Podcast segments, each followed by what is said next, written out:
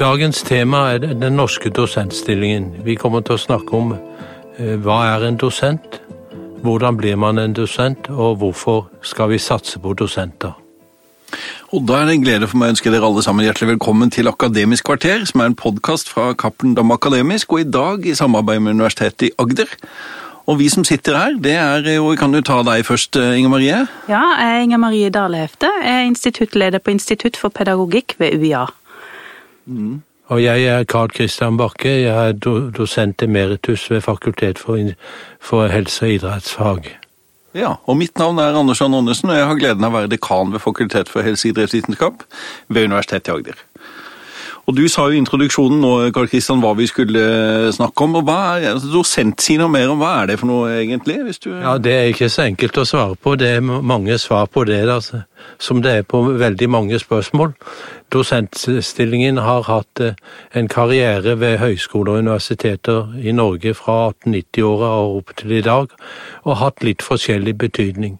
Jeg kan si veldig kort det har gått fra å være hjelpelærer til embetsstilling, til å bli utviska og bli løfta opp til professorstilling, og så ende opp som en eh, særtoppstilling på linje med professor, men med en litt annen profil. Og det er kanskje det siste som vi kommer til å legge vekt på å snakke om nå. Ja, for det var jo sånn det skjedde jo på begynnelsen av 2000-tallet, dette rett og slett, at det ble en toppstilling i akademia? Ja, det kom i 2006-2007. Og det fikk den effekten at jeg annet satsa på å bli dosent. Ikke sant. Så det har jo noen Er det mange dosenter rundt omkring i Norges land, eller er det Ja, vi vet om eh, ca. snaue 200 for 2020, hvorav det er 12-13 stillinger ved Universitetet i Agder. Så det er en liten eksklusiv forsamling, det egentlig, hvis man skulle se ja, det i forhold til andre stillingsgrupper?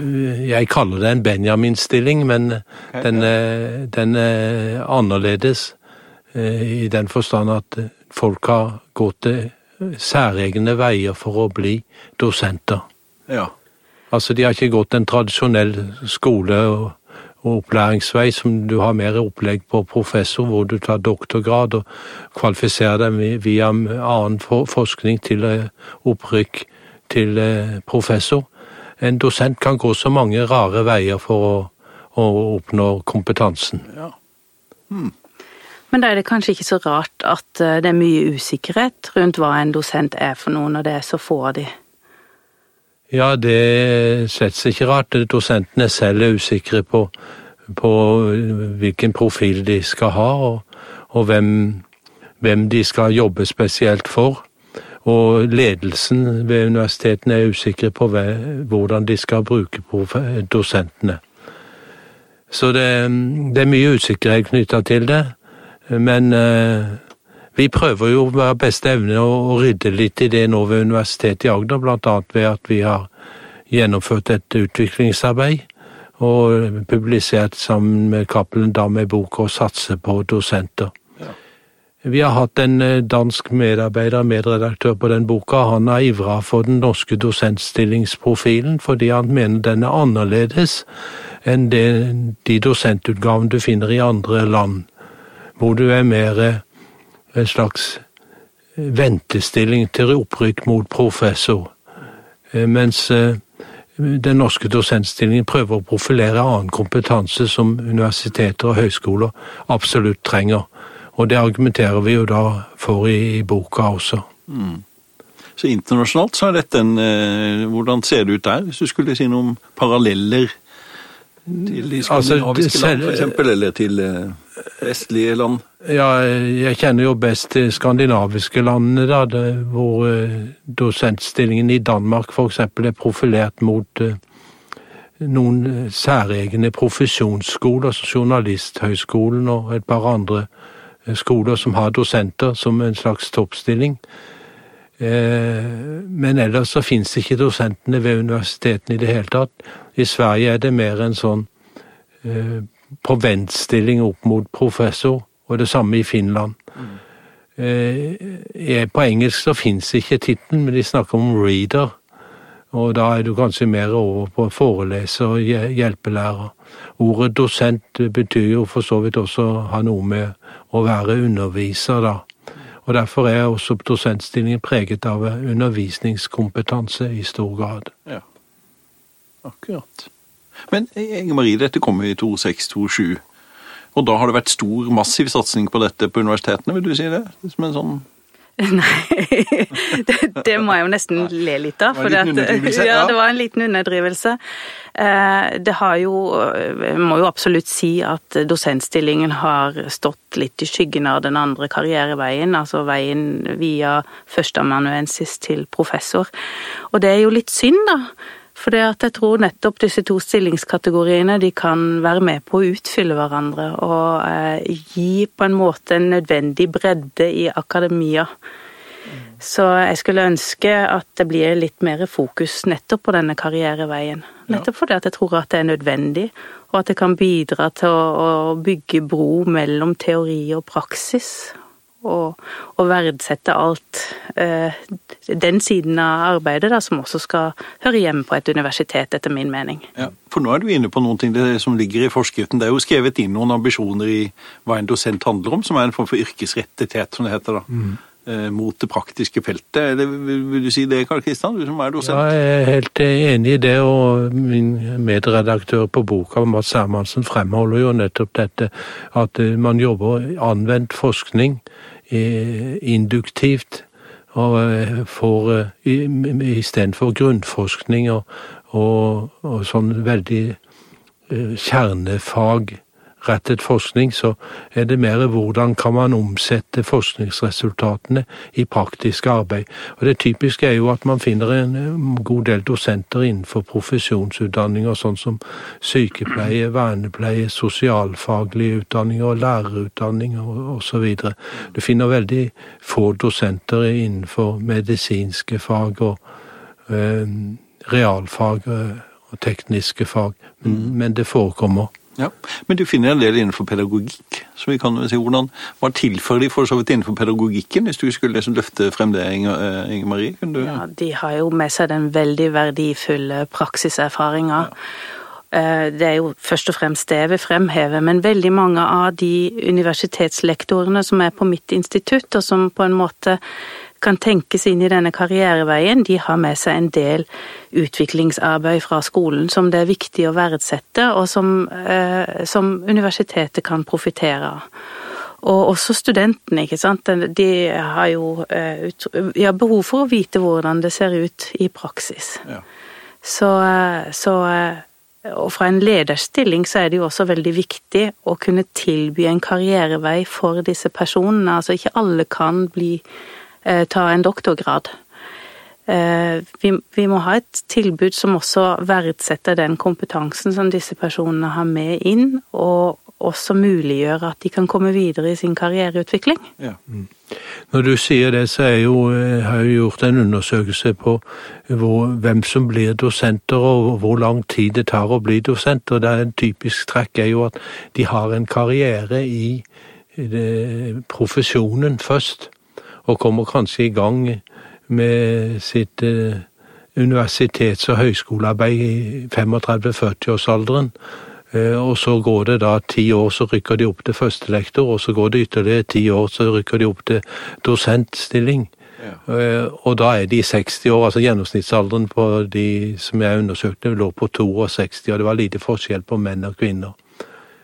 Så det er nettopp dette at du får med deg en grunnbasis av yrkesutøvelse som inn i universitetet og høyskolene, som er betydningsfullt. Jeg snakker akkurat med en eh, som akter å søke dosentstilling innenfor teknisk ingeniørfag. Og jeg spurte om hvorfor, hvorfor vil du det? Jo, jeg merker meg at den kompetansen jeg har fra gulvet ute i næringslivet, den verdsettes av studentene. Mm. Og noen må eksponere den praksisrettede undervisning, praksisrettede virksomheten. Eh, så derfor ville han satse på det da istedenfor. Selv om han hadde tatt doktorgrad, så ville han satse på å, bli dosent. Jeg vet ikke om han kan klare å få det til da. For En av de bidragsyterne i boka er jo Anders Linseth, som jo har skrevet om praktisk kunnskap som et viktig ankerfeste for dosentene. Altså vektleggende av, av erfaringskunnskapen fra, som du sier, fra næringslivet eller fra offentlig sektor for den saks skyld. At det har en betydning da, inn i det akademiske fellesskapet òg. Ja, det har jo betydning, for det er jo der ute man omsetter forskningen.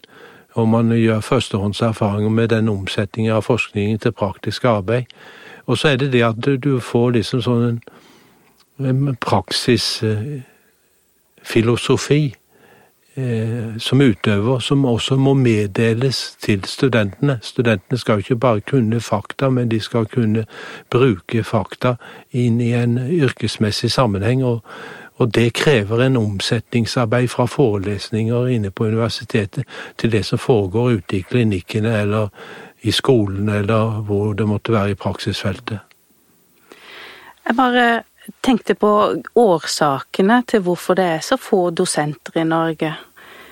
Kan du, kan du si noe om det, Karl Kristian? Ja, det blir, jeg har ikke direkte undersøkt det, men det er jo ikke vært veldig stimulert vei. Vi har, har historisk hadde vi en eh, god vekst i dosentstillingene fra 1950 eh, og opp til 1970-åra, hvor eh, man fortsatt hadde professoren som embetsstilling, og mange ble da dosenter. De hadde samme kompetanse som professoren, men det var ikke stillinger for dem. Men så ble det et vedtak i 1985 ca., da Eh, ble alle disse dosentene fikk de opprykk til professor, i hvert fall de som var knytta til universitetene. Og de som ble ved høyskolene, ble kalt høyskoledosenter. Og så ble karriereveien skrudd av, og lå død i 20 år. Og det tror jeg kan være en grunn til at eh, det har ikke vært noen som har trykka på den karrierestigetrappen-knappen, eh, sånn at folk har vært stimulert til å, å, å, bli dosenter. Det er ingen som nesten i dag vet hvordan skal man bli dosenter. Da. Sånn var det omkring 2007. Men så har vi da fått døra åpen fra 2007. Men det har vært veldig mye som Hvis det, man kikker i boka, da, så er det seks historier om hvordan man blir dosent. Og jeg vil si fire av disse har famla seg fram på egen hånd og mer eller mindre tilfeldig funnet eh, sitt hjem i den stillingen. To har eh, fulgt et eh, kursopplegg og blitt mer styrt og hjulpet fram. Så hovedbegrunnelsen er at det har ikke vært særlig tilrettelagt fra høyskole og universiteter for å kvalifisere seg for denne stillingen. Det har vært noen treskinger som har, og sta folk som har funnet ut at det vil de eh, bli, istedenfor å bli tradisjonell professor og akademiker. Men hvis man, Nå er vi jo tross alt i akademia, så vi må jo få inn opponentene. Hvis man skulle liksom få litt kritikk på dette, er det, er det en belønning av lang og tro tjeneste, eller ligger det noe mer? Hvordan, hvordan, blir man dosent? Er det sånn at du jobber da et yrkesliv og sier nei, men nå har du jobba så lenge at nå kan du bli dosent? Hva ligger det i å Det hadde vært greit om det var sånn, men sånn er det ikke.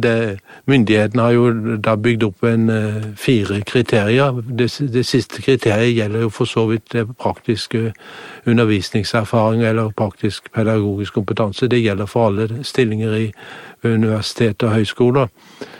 Men eh, fagstillinger, da. Men eh, det er tre kriterier det, som ellers gjelder. Det ene ligner litt på det du krever som professor, men det er vekt på utviklingsarbeid i kanskje i større grad enn forskning, også rettet mot praksisfeltet.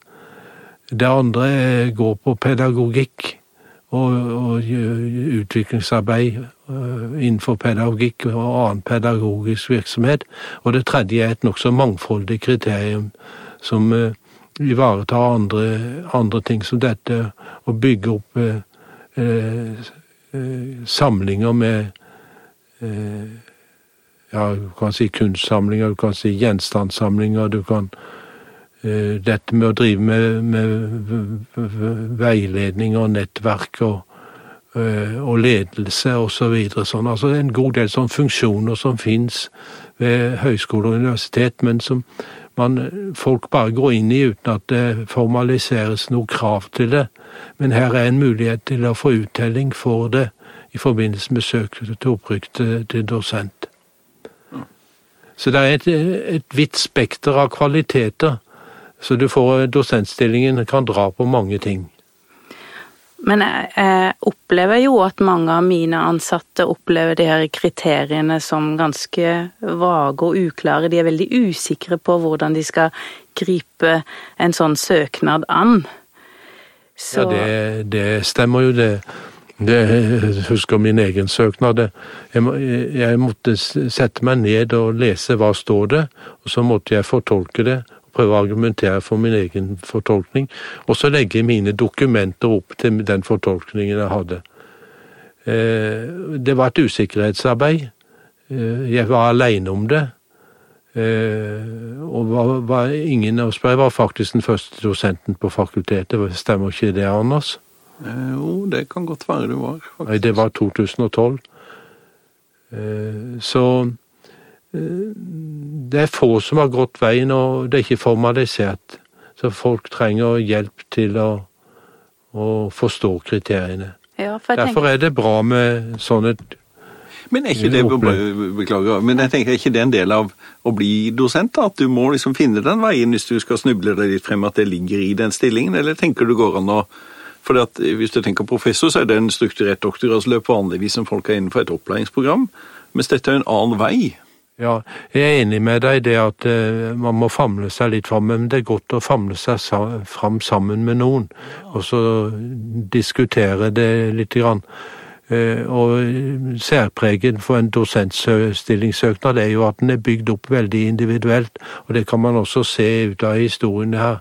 Og også en del av de jeg har veileder inn i dosentstillingen, så har det vært noen som har vært nesten reinspikka forskere og andre har hatt masse pedagogikk.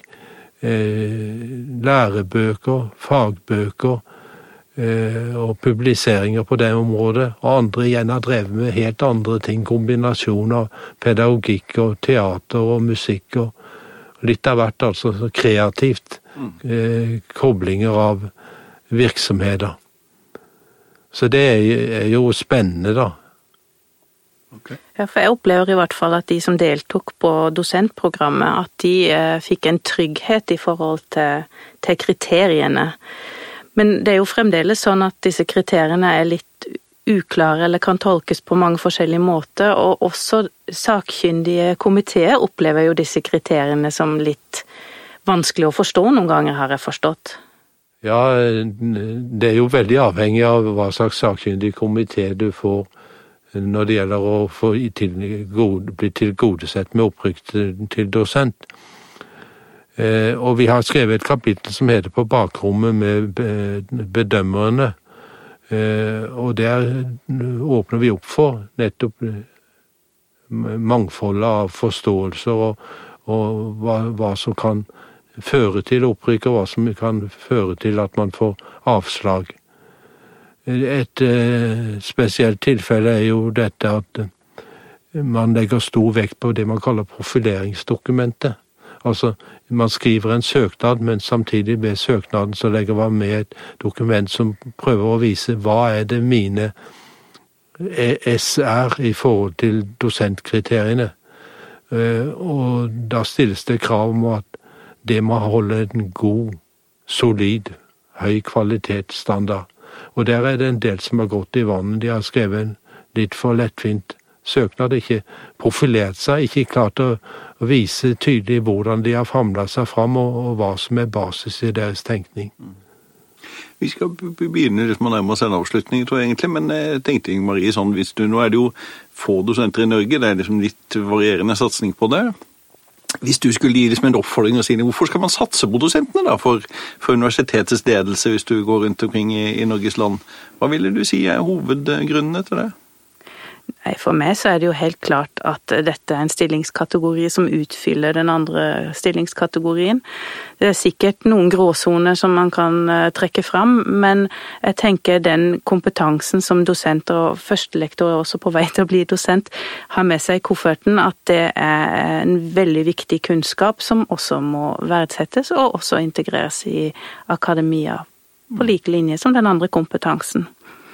Og jeg tenker jo også um, at eh, mange sitter og venter på en anledning til å bli førstelektorer eller bli dosenter, for vi vet jo at eh, de ikke har de samme støttestrukturene som f.eks. ph.d.-kandidater. Eh, de har jo sine veiledere og de har sine opplegg, mens mange førstelektorer, eller av de som ønsker å bli førstelektorer og dosenter, går litt veien alene, sånn som du også skildra det, Karl Kristian. Og derfor er det så viktig med et et opplegg som kan gi disse støtte på veien. Og det var jo nettopp det som var med programmet på UiA, at disse personene, kandidatene, de opplevde å bli verdsatt. De fikk veiledning av dedikerte personer som, som eh, var opptatt av å gi dem et løft. Og det betyr virkelig noe for fremtiden i akademia for disse personene. Så på den måten så, så eh, kan jeg nesten si at det har forandra det akademiske livet til de personene som har blitt med. De har fått uh, mer fokus på, på sin uh, på sine kvaliteter, og de har fått andre roller i jobben. Mm. Kanskje ikke så målretta som jeg hadde tenkt i utgangspunktet, men veien blir jo litt til som man går også. Så det er egentlig denne boken er liksom man løfter det frem og roper litt hurra for dosenten, egentlig, Karl Kristian, hvis du nå skal si noen ting før vi avslutter? Ja, det er helt klart at det er en argumentasjon for dosentstillingen. Og det avsluttes i boken med en slags drøm og visjon om at du har eh, modus 1-forskeren, grunnforskeren, eh, og så har du den anvendte forskeren som går sammen med grunnforskeren. Og anvendt forskning kan vi kalle modus 2. Og når de går sammen, så får vi en, eh, noe vi kan kalle modus 3. Altså både og, ja takk, begge deler. Eh, og da behøver ikke de to akademikerkarrierestiene være i konflikt med hverandre, men de utfyller hverandre og kan kanskje løfte norske universitets- og høyskolekvalitet til noe av det ypperste i verden. Det er liksom drømmen. Se her. Det var jo et store visjoner. Da tror jeg kanskje vi begynner å runde av, rett og slett. Så da tror jeg bare sier at dere har nå hørt på en podkast fra Cappelen Dam Akademisk med fokus på eh, antologien eller boka og satse på dosenter. Et utviklingsarbeid, og den har skjedd i samarbeid med Universitetet i Agder. Takk for at dere hørte.